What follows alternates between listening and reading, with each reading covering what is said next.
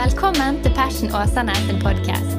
Vi er en ung og levende kirke i Åsane bydel i Bergen som ønsker å lede mennesker til lidenskapelig tro og overgivelse til Jesus, kirken og oppdraget. Takk for at du lytter til vår podkast, og vi håper du blir oppmuntret og utfordret i din etterfølgelse av Jesus.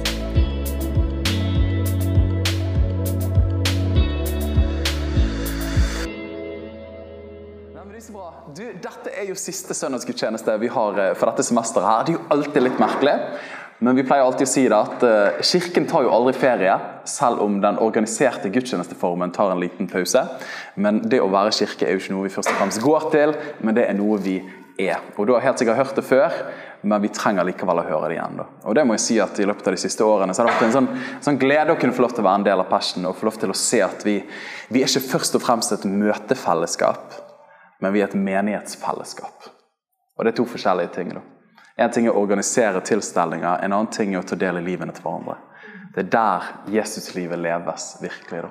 Og Der syns jeg vi har fått tatt noen spennende steg. da. Så Jeg er jo ikke inhabil eller jeg er jo inhabil i denne sak, og det er vel vi alle for så vidt som er her.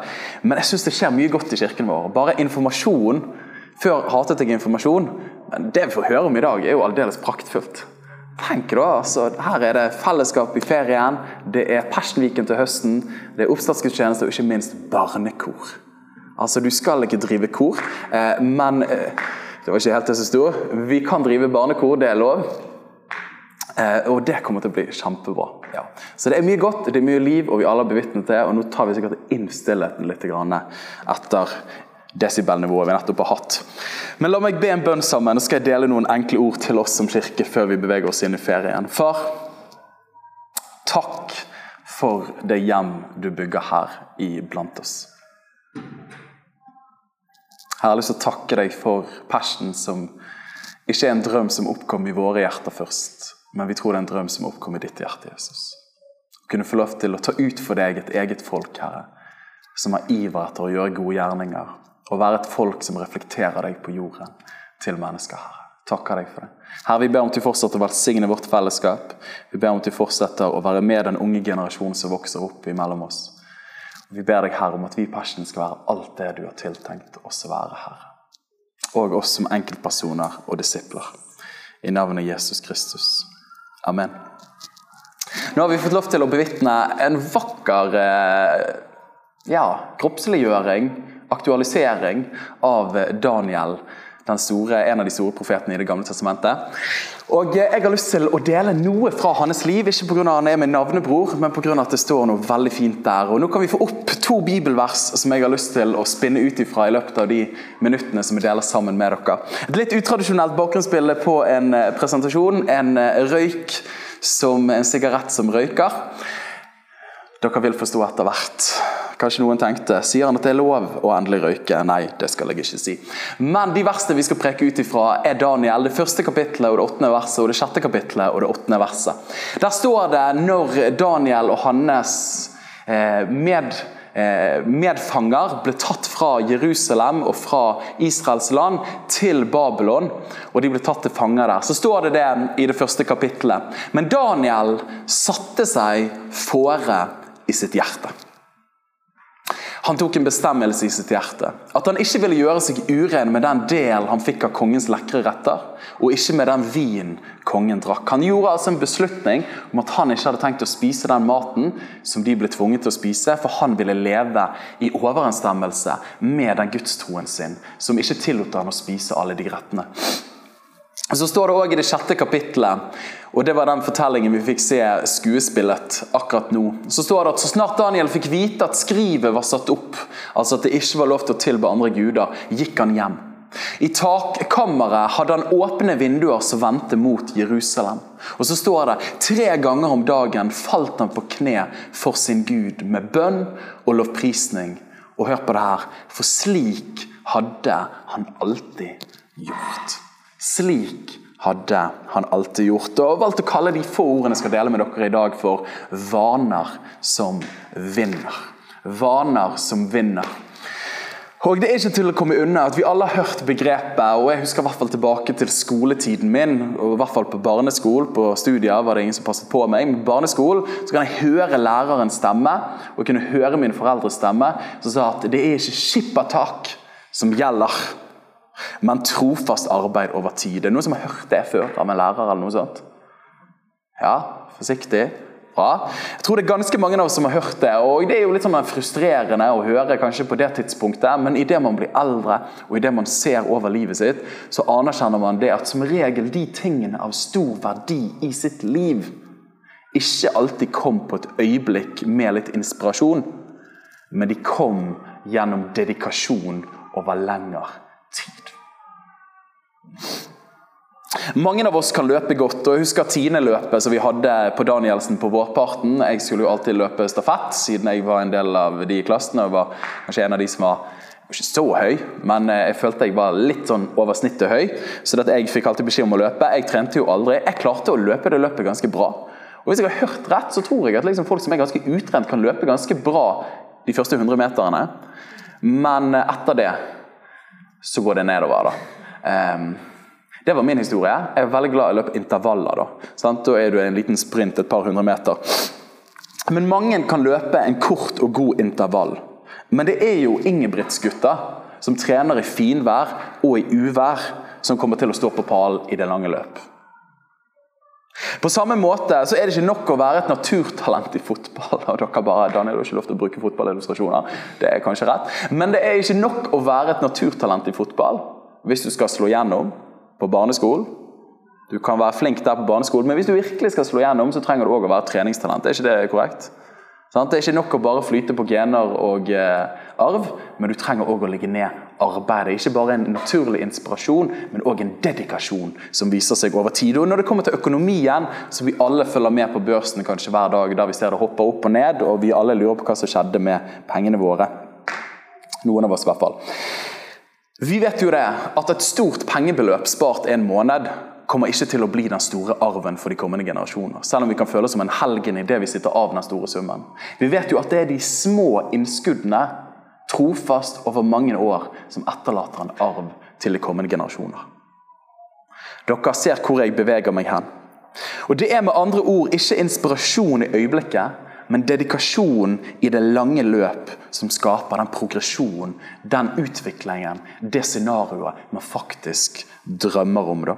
Og dette gjør seg da ikke bare gjerne i møte med fotballtalentet eller i møte med økonomisk sparing, men ikke minst i møte med det kristne livet vårt. Hvem vi blir som personer, og hvordan relasjonene våre i livene våre blir. En vis mann sa en gang han sa at vi former vanene våre, så former vane oss. Vi former våre vaner, men så ender det opp med å bytte ved at vane ender opp med å forme oss. Jeg husker jeg leste en bok for en del år siden, eh, år siden som heter The Power of Habit. Og Der brøt de ned hvor mange valg vi må ta hver eneste dag. Og Det er jo helt absurd hvor mange valg. Hvis du prøver å telle hver eneste dag idet du står opp på morgenen, eh, hvilken fot skal jeg stå opp, og det skjer jo av eh, naturlig, men du må jo gjøre et valg. Hvilke klær skal jeg ha på meg? Hvilke pålegg skal jeg ha på? Eh, hvordan skal jeg snakke til den personen som jeg møter på bussen, som jeg gikk på skole med for 17 år siden? Eller skal jeg ikke gjøre det? Det er så mange ubevisste valg som vi gjør hver eneste dag. Derfor tillegger vi oss vaner, så vi slipper å gjøre verdivurderinger til ethvert øyeblikk, for da hadde vi slitt oss helt ut. Så Det er jo en fantastisk overlevelsesmekanisme som gjør at vi mestrer hverdagen. Og Det meste vi gjør i løpet av en dag, er vaner. Og Det er jo en fantastisk ting. Det eneste som er utfordringen, er jo om de vanene vi har, er tilfeldighetene som har skapt, eller om det er vaner vi har valgt sjøl. For det at livene våre i stor grad er jo frukten av vaner vi tillegger oss over tid. Og dere har sikkert hørt det sitatet. Det var han Ralph Emerson, eh, amerikanske forfatteren og filosofen, som sa at eh, så en tanke, så høster du en handling. Så en handling, så høster du en holdning. Så en holdning, så høster du en vane. Så en vane, så høster du en karakter. Hvem du blir som person. Så en karakter, og du høster et liv. Men det begynner med hvilke tanker, hvilke holdninger, hvilke handlinger, hvilke vaner tillegger vi oss. da. Og Her syns jeg Daniel er et forbilde for oss. Det står at Daniel satte seg fore i sitt hjerte. Han hadde med andre ord en intensjon, en tanke om hvor han ønsket å komme i livet. Hvem han ønsket å være, og hvor han ønsket å komme i livet. Ikke sant? Husker når jeg studerte og hadde et fag som het livsvisjon. Så sa de, når vi skulle skrive vår livsvisjon, begynn med enden i tankene. Start with the end in mind. Og Det er et veldig godt ord. Og Vi skulle ha litt sånn dramatisk forestilling, så vi skulle se for oss at vi var i vår egen begravelse. Og så skulle vi se for oss hva våre ektefeller, våre barn, våre venner og kollegaer ville si om vårt liv. Og Der har jo vi alle noen forhåpninger og drømmer. ikke sant? Og så sa de noter deg ned det du ønsker de skal fortelle om deg. Og så blir det endemålet som du sikter mot. Jeg syns det er et glitrende godt ord. Litt dramatisk. Ikke så fint å se for at du skal dø, men samtidig det, det snakker om summen av livet. Hva vil jeg skal være summen av mitt liv? da? Daniel hadde en intensjon, satte fore sitt hjerte. Jeg skal være en sånn mann som vandrer med min Gud, som ikke lar meg påvirke av de ytre kreftene som tvinger meg til å gjøre noe. Jeg har tatt en beslutning om hvem jeg skal være. Han hadde en intensjon. Men mer enn det Hør på det her. Mange av oss har fine intensjoner, men det blir aldri til noe konkret i livene våre. For dette steget etter intensjon må jo være initiativet. Det må se ut som noe. Med andre ord, det må være vaner som samsvarer med den beslutningen man har tatt i sitt hjerte. Og Der leste vi i det sjette kapittelet, som vi så dramatisert her, at Daniel, når det kom forbudet mot å be til andre guder enn keiseren eller kongen, som ikke var en gud, så står det at Daniel gikk tilbake, åpnet vinduet til Jerusalem og ba tre ganger for dagen, slik han alltid hadde pleid å gjøre. Jeg tror at En av grunnene til at Daniel ikke gir etter og ikke bukker under, er på av at dette var ikke en vane han tilla seg idet kampen og heten begynte, men det var en vane han hadde vandret gjennom hele sitt liv. Vaner som er gode, er de tingene som hjelper deg å vinne når livet er krevende, når livet er tøft, når ting er vanskelig, når ikke alt det som man måtte ønske. Det er de vaner man har stiftet i fredstider, som bærer deg gjennom de krevende tidene. Vaner som vinner. Og Det er noen som har sagt det bra, og det er litt cheesy, men jeg syns det er glitrende sagt. Your dream has to be seen in your daily routine. Og det er jo helt sant. Din drøm må kunne være synlig gjennom din daglige vaner og rutiner. Your dream has to be seen in your daily routine. Og Dette var min erfaring i 8. klasse og jeg delte mange ganger når jeg møtte Jesus. Hadde prøvd å bli påtvunget en, en eh, voksenbibel av mamma di eh, i slutten av 7. klasse. Da tok de barnebibel ut av mine hender og ga meg Times New Roman størrelse 3. Eh, og alle bildene var borte. Og jeg kom til Salme 22. Min Gud, min Gud, hvorfor har du forlatt meg? Og opplevde at det var vanskelig å kjenne Gud. da. Og Så fikk jeg et sterkt Jesus-møte. Jeg fikk den inspirasjonen. Og Det er kjempeviktig. Det kristne livet handler ja om inspirasjon. At vi har et møte med Gud, vi hører en forkynnelse. Det er en lovsang som blir sterk for oss. Det er et ord som taler til oss. Men inspirasjon alene, kjære menighet, kommer aldri til å ta oss til den intensjonen vi drømmer om. Jeg har hatt privilegiet og sorgen av å følge nok mennesker som har brent i et øyeblikk som har respondert på et alterkall, som har hatt noen høye forhåpninger en stund, men inspirasjon ebber ut over tid. Inspirasjon er ikke så sterk at han bare varer for evig. Husker den sommeren til 9. klasse så tilla jeg meg vanen ut ifra inspirasjon. At hver morgen så skulle jeg stå opp, skulle jeg lese min bibel, skulle jeg høre på et par Hillsong-lovsanger. Og Da var det inspirasjon som trakk meg inn til å begynne med, og jeg syntes det var utrolig fint. Hvorfor hadde ingen fortalt meg om personlig tid med Gud før? Det var jo det mange som hadde gjort. Men det var jo bare at man ikke hadde hørt det før man fikk en inspirasjon fra innsiden. Men den sommeren der tilla jeg meg en vane om å bruke tid med Gud i bønn og i ordet. Jeg kunne ikke fordra å lese. Jeg hadde blitt, eh, jeg husker Mamma og de ga meg boken 'Nikki Cruise', han gjenglederen fra New York. Var kjempegøy helt til han ble frelst. Da ble boken dønn kjedelig. Eh, så dette, Det var de eneste bøkene jeg klarte å lese. Men etter jeg møtte Jesus, så sa jeg vet du hva, nå må jeg begynne å lese Bibelen. Begynte å tillegge meg den banen. Når jeg begynte i 9. klasse, etter den sommeren, to måneder med å ha gjort dette, så når jeg ser tilbake, så ser jeg at der plantes det en vane som har båret meg til i dag. Da. Jeg formet en vane da som har formet meg i årene siden. Og Jeg er supertakknemlig for det. Inspirasjon ble til dedikasjon. Og Der er det jeg har lyst til i dag å gi appell til oss som kirke og til oss som enkeltpersoner. Jeg har lyst til å først si til deg som person Vet du hvilken drøm, hvilken ende du ønsker skal være beskrivelsen av hvem du er som menneske og som disippel og etterfølger av Jesus? Og Da er spørsmålet mitt Jeg antar at de fleste her har lyst til å være en lidenskapelig etterfølger av Jesus. Ok, Men hvordan ser det ut i vår hverdag og våre vaner at vi ønsker å komme dit? Og Her er det ingen fasitsvar, og det må tilpasses livssituasjon, personlighet osv. Men jeg har lyst til å utfordre på det.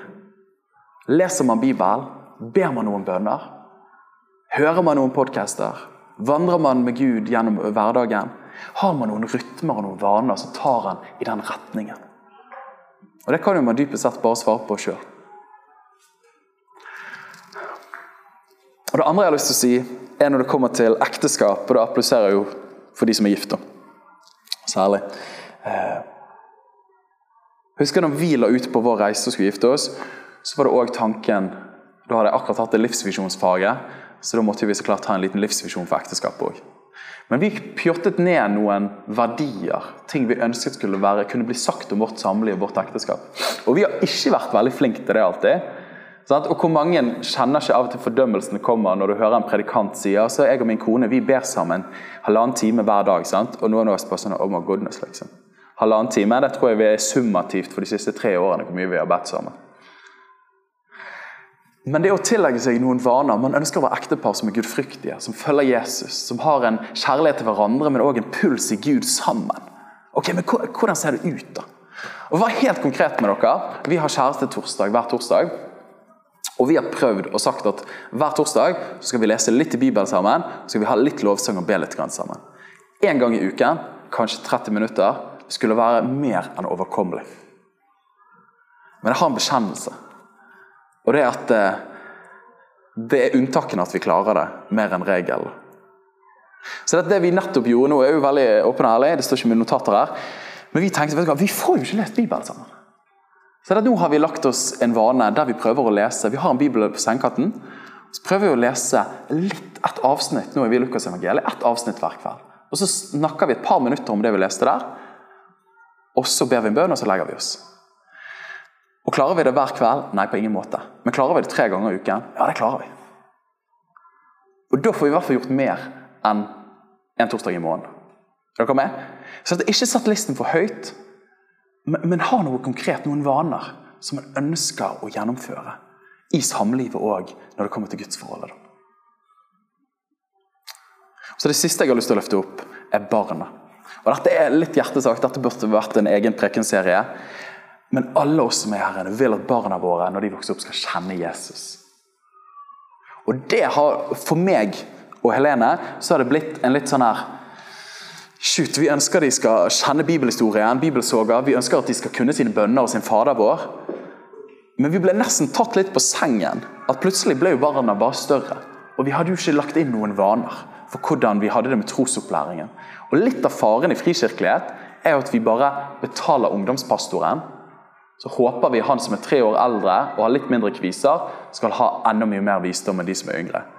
Og Det er litt sånn idealistisk, men det største trosopplæringsansvaret ligger ikke på menigheten, men det ligger på den primære menigheten som barnet vokser opp i, nemlig familien. Mor og far er de fremste pastorene og prestene i barnas liv. Så for å dele bare sånn underveis der vi er nå, da, eh, så er jo det OK, end in mind. Vi ønsker barna våre skal kjenne Jesus. Ok, men hva ser det ut som i hverdagen? Først og fremst da handler det om at jeg og Helene lever liv som besmitter dem mer enn at vi belærer dem. Men at de ser at vi vandrer vendt mot Gud. At Gud er naturlig i samtaleemne. At vi snakker om sånn som i går kveld når jeg var på et møte. og Det ble sterke profetiske ord, og folk møtte Gud. og Da kunne du komme hjem og fortelle til barna du vet hva som skjedde i går. Og Så kaster de litt mat på veggene og får ikke med seg alt. Men likevel så såes det inn at Gud gjør noe, og vi er med på det han gjør. Er dere med meg? Så man besmitter dem mer enn belærer dem. Men samtidig så er det noe med den belæringen, at man oppdrar dem i en kristen forsakelse og tro. Så nå lagde vi en vane, og det har vi, det har vi hatt i ca. ett eh, til halvannet år. Der vi prøver å eh, Vi leser litt bibelhistorie på kvelden. Og der må jeg si, jeg tenkte jo at barnebibler, hvem trenger det hvis du har et levende liv med Gud på innsiden? Jeg trenger det. For det på sengekanten, inspirasjon er ikke alltid til å ta og føle på. Men da kunne du ha en barnebibel med to sider som går gjennom en bibelfortelling. Leser den inn, de hiver noen uh, leker på veggen der òg, men de får nå med seg noe. i hvert fall. Litt bibelfortelling inn der. Vi ber en bønn på kvelden. Om morgenen spiser frokost, og så har vi en andaktsbok, velsignelser hver dag, som er ca. tre avsnitt, og med en fin tegning på som er gøyere enn teksten. Men likevel, det sås inn Guds kjærlighet, Guds nåde. Han hører bønn. Du kan leve vendt mot Gud. Er dere med meg? Hva er tingen her? Jo, vi har en lengsel etter at de skal kjenne Jesus, men det må se ut som noe i hverdagen. Det har jeg lyst til å utfordre særlig småbarnsfamiliene her. At La Gud være en naturlig del av hverdagen, og få noen vaner som retter blikket mot Jesus. For det er summen av vanene våre som danner karakteren vår og livene våre i det lange løpet.